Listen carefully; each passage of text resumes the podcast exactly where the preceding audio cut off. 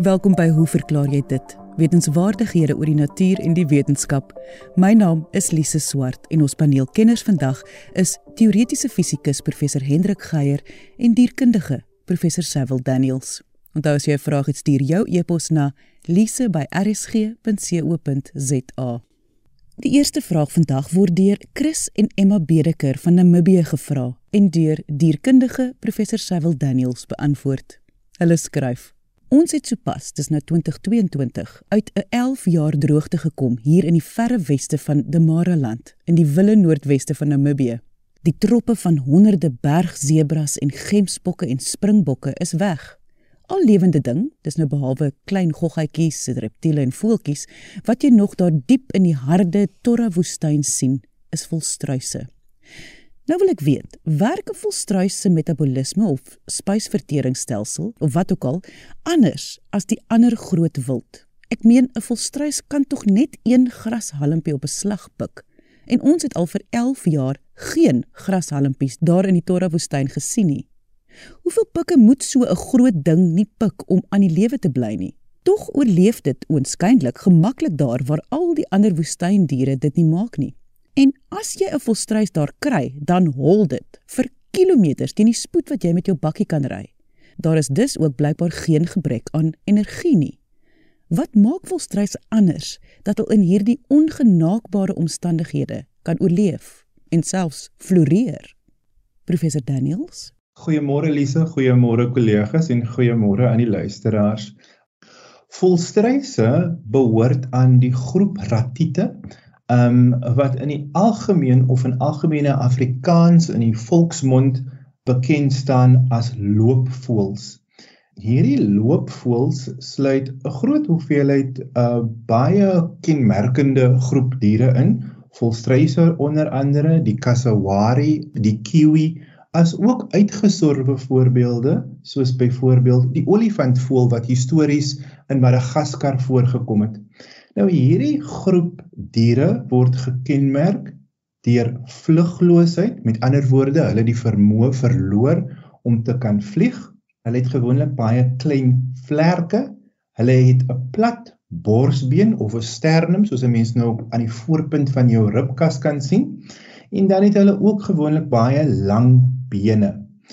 Nou as 'n mens kyk na die verspreiding van hierdie groep voëls, uh die cassowary, die volstruisvoëls, die uitgestorwe olifantvoël wat histories in Madagaskar voorgekom het, sowel as volstruise, lyk dit of die diere 'n tipiese Gondwana verspreiding het. Met ander woorde, dit lyk op die oog af of die diere um op hierdie verskillende kontinentale areas voorkom as gevolg van uh kontinentale fragmentasie met ander woorde hierdie idee dat die oerkontinent uitmekaar begin dryf maar molekulêre werk dui daarop aan dat hierdie diere werklik ontstaan het nadat Gondwana begin fragmenteer het. Met ander woorde hulle hou nie direk verband met die fragmentasie van die kontinent nie en baie data dui daarop dat die, die voëls voorheen kon gevlieg het en as gevolg van evolusionêre konvergensie met ander woorde as gevolg van druk in die omgewing gelei het tot dieselfde um, morfologie maar hulle het wel 'n gemeenskaplike vooroor. Nou, volstruise. As 'n mens gewoonlik aan volstruise dink, dan dink jy aan redelike dorre klimate waar hierdie diere voorkom. Volstruise is in 'n moderne perspektief die grootste vluglose voëls um, wat ons het. Hulle kan tot ongeveer 150 kg weeg as volwassenes en hulle kan gemiddeld so 2.7 meter lank word. Nou hierdie diere het 'n groot hoeveelheid morfologies sowel as fisiologiese aanpassings om in droë klimate te kan woon. As 'n mens nou dink aan 'n droë klimaat soos byvoorbeeld in die woestyn, byvoorbeeld in die Kalahari waar mens baie hierdie diere sien, as ook in die Karoo en hier langs die Weskus waar dit redelik droog is, weet 'n mens natuurlik dat in droë gebiede is temperatuur 'n groot uh, inhiberende faktor vir hierdie organismes, vir hierdie diere, vir die voëls.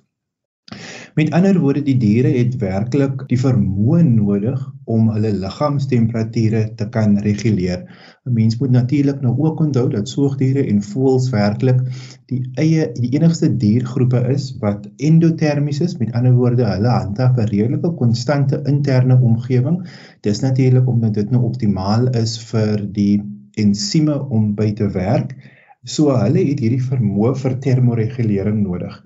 Nou, As 'n mens byvoorbeeld dink aan volstruise, die feit dat hulle liggaam groot is, soos ek voorheen genoem het, um tot 150 kg kan weeg as volwassenes, help hierdie diere om hulle liggaamshitte tot 'n groot mate te kan reguleer. 'n um, Mens moet ook onthou natuurlik dat groter diere het gewoonlik uh, um relatief tot klein diere 'n baie kleiner liggaamsoppervlakte um, 'n klein dier byvoorbeeld soos 'n muis of 'n skeerbekmuis het 'n baie hoër oppervlakte ten opsigte van hulle volume. Nou die grootte van die dier help om die hoeveelheid uh, hitte ehm um, wat die dier dan nou in die dag kan opneem te reguleer tot 'n groot mate want ons weet nou in hierdie woestynareas is dit baie koud in die nag. Met ander woorde, dit is goed vir die diere om 'n groot hoeveelheid liggaamshitte te kan stoor. Maar In die dag kan dit problematies wees want die dier kan baie warm raak. Maar daarvoor het die diere natuurlik ook gedragsekologiese aanpassings. Byvoorbeeld wanneer 'n mens in die woestyn ry of op 'n pad in die woestyn is, um, sien 'n mens baie keer die wyfies of die mannetjies, hulle sleep hulle vlerke so naby die grond en hierdie laat dan die diere toe om van hulle energie, die hitte-energie wat hulle opneem gedurende die dag ontslae te kan uh, raak van. Die diere gebruik ook wat in die algemeen bekend staan as goole flapping. Met ander woorde, hulle hulle gebruik uh evaporasie uh in hulle respirasie om van uh oortollige energie of hitte te kan ontslaa en dan gedurende die nag is die vere spesiaal aangepas om hitte te bewaar in teenstelling natuurlik met die dag wanneer dit warm is wanneer die dier wil ontslaa raak van um enige oortollige hitte wat daar in in die omgewing is. Nou volstruise het ook redelike groot oë. Hierdie oë is tot 'n groot mate groter as die organisme se brein. Met ander woorde, die die dier is nie die mees intelligentste van diere nie, Maar dit is 'n aanpassing omdat met groot oë kan jy baie maklik predators waarneem in die omgewing, byvoorbeeld 'n leeu of enige iets wat nou potensieel wil jag maak op die volstruis. Groot oë is dan nou ook natuurlik voordelig want dit kan help om prooi items wat daar in die omgewing is te kan waarneem. En nou met spesifieke verwysing na prooi items. Volstruise is omnivore. Met ander woorde, hulle vreet omtrent alles wat daar in die omgewing kan voorkom. Gras, sade, insekte en so voorts. Hulle ingeesteer ook klein klippies uh wat help om die voedsel te verteer omdat ons dan nou in die algemeen weet dat by die avies, by die voëls is daar in die algemeen geen tande byvoorbeeld uh beskikbaar nie. So hierdie um klippies wat dan nou ingesteer word, kan nou help met die vertering van voedingsstowwe wat dan nou in die organisme se buik lê. Water word gewoonlik uit die voeding self verkry, maar wanneer water nou vrylik beskikbaar is, sal die diere dan ook water drink. Hulle het gewoonlik baie lang bene waarmee hulle vinnig kan hardloop indien daar nou 'n predator is en dan het hulle ook gewoonlik twee tone wat as wapens aangewend kan word indien hulle dan nou bedreig sou word um, deur enige predatore in die omgewing. Die wyfies kan tot 15 eiers lê en daar is gewoonlik 'n groot hoeveelheid beide paternale sowel as maternale sorg by hierdie diere Met ander woorde, dit help ook tot 'n groot mate om te verseker dat die volgende generasie uh redelik volwasse is wanneer hulle dan op hulle eie voortbeweeg in die omgewing. Hierdie is dan die aanpassings by uh volstruise om in 'n droë klimaat te kan oorleef. En dit was dierkundige professor Cyril Daniels. Onthou as jy 'n vraag het, stuur jou e-pos na lise@rsg.co.za. Jy luister na Hoe verklaar jy dit? My naam is Lise Swart. Volgende vra Bram Vermeulen 'n paar vrae wat teoretiese fisikus professor Hendrik Geier gaan beantwoord.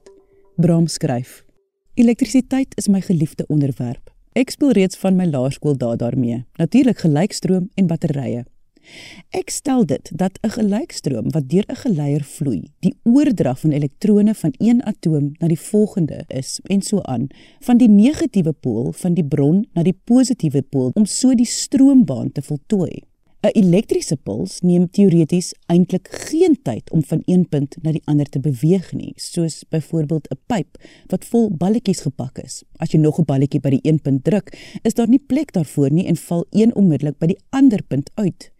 So ook met elektrone deur 'n elektriese geleier. Kom ons identifiseer 'n elektron as X.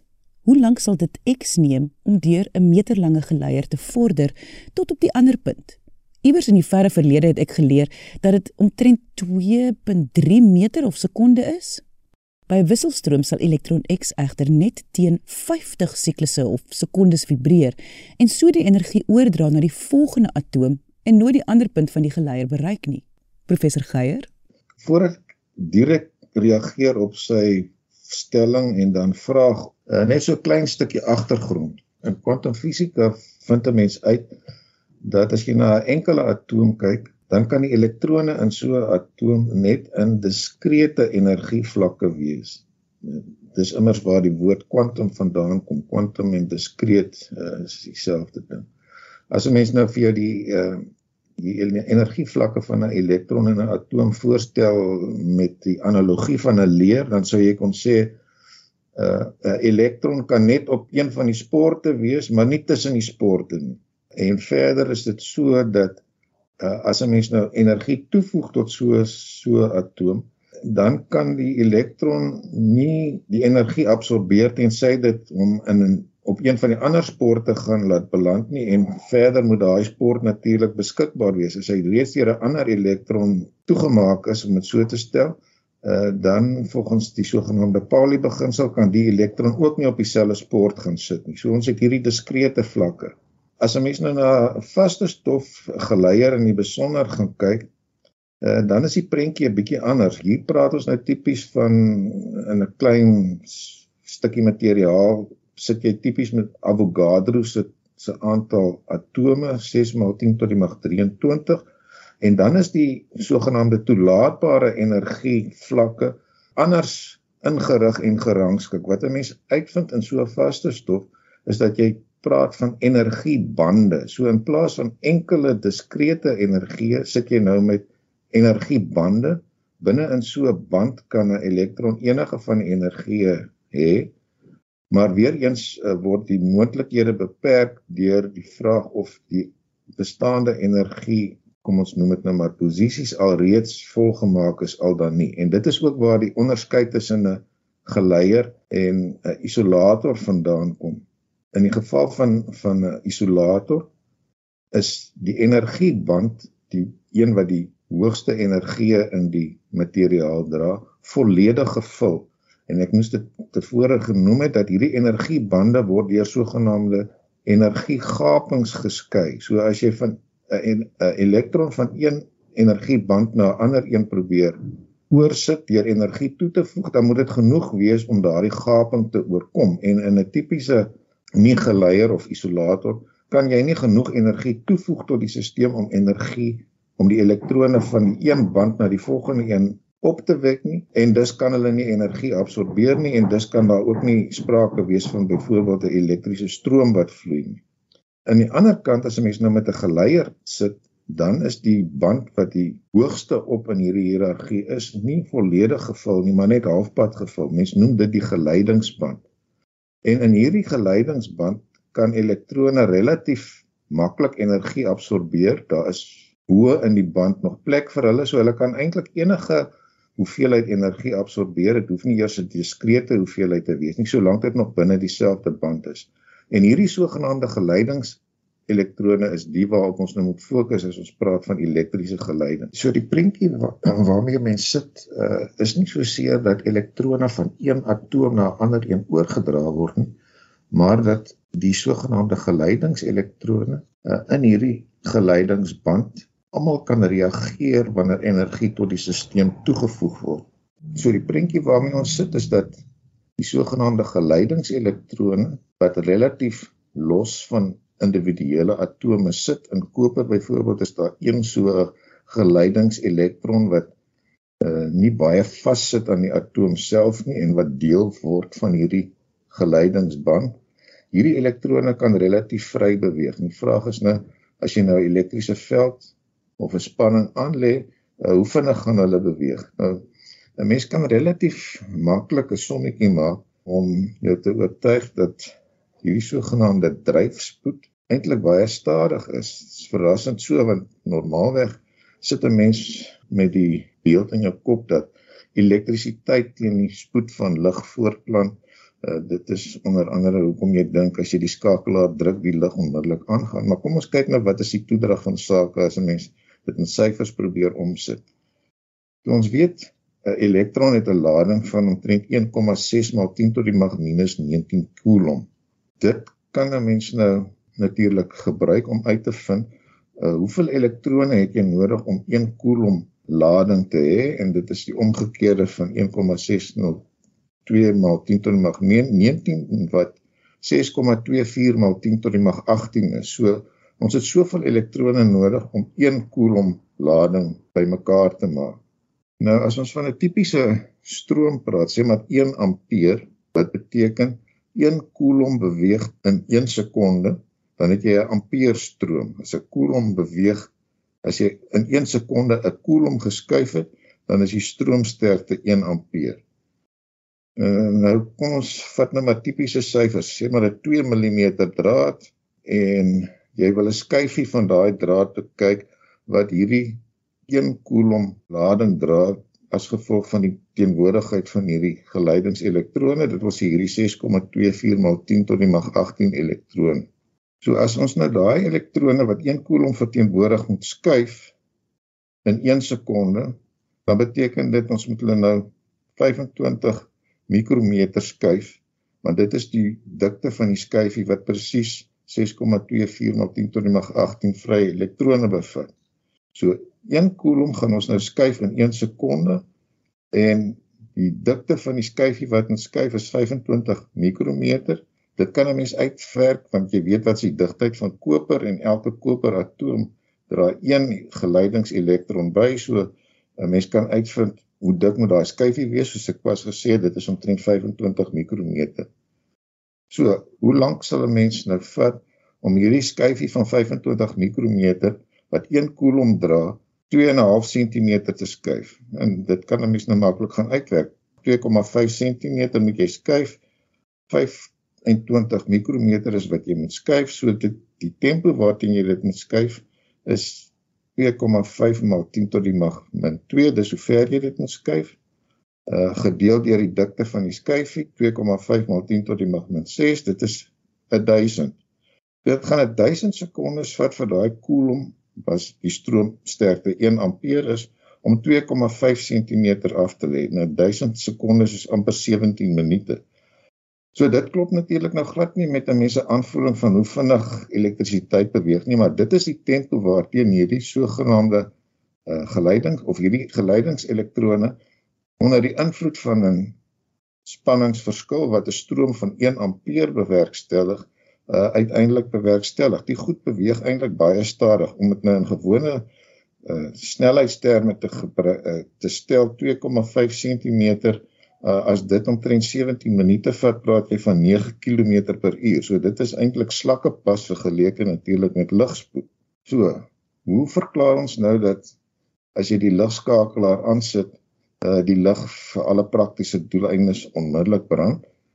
Nou die punt is natuurlik dat as jy die stroombaan sluit, voel al die elektrone gelyktydig die effek van hierdie spannings spanning wat aangelê word en hulle reageer daarop. Nou Bram gebruik die metafoor van 'n 'n pyp met balletjies of of dalk water daarin wat as jy aan die een kant druk, dan gaan dit by die ander kant uitpeel. Ek dink 'n beter analogie is om miskien te dink eenvoudig aan 'n sommejoer wat op die paradegrond vir 'n peloton sê voorwaarts mars. Daai bevel bereik almal teen klankspoed van die samajoor af, maar hulle begin almal gelyk beweeg.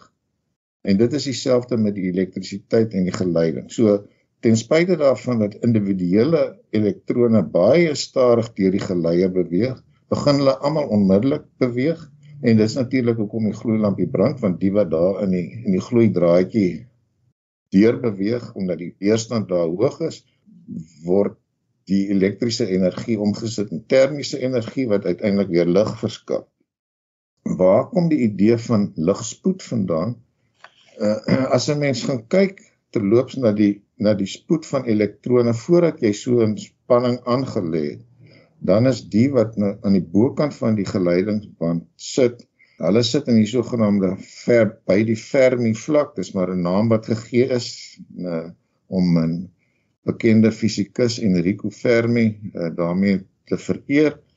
Uh en 'n mens kan uitwerk wat is die Fermi spoed wat hierdie elektrone het. Dit is omtrent 1600 km per sekonde, omtrent 1/200ste van ligspoed. So voordat jy 'n spanning aanlê, beweeg elektrone eintlik baie vinnig, maar die punt is hulle beweeg in lukraak rigting, so daar's uiteindelik geen netto vloed in enige rigting nie. Dit was dis ook geen stroom nie. Dis eers wanneer jy die spanning aanlê wat almal gelyktydig stadig begin beweeg en op hierdie manier 'n stroom bewerkstellig.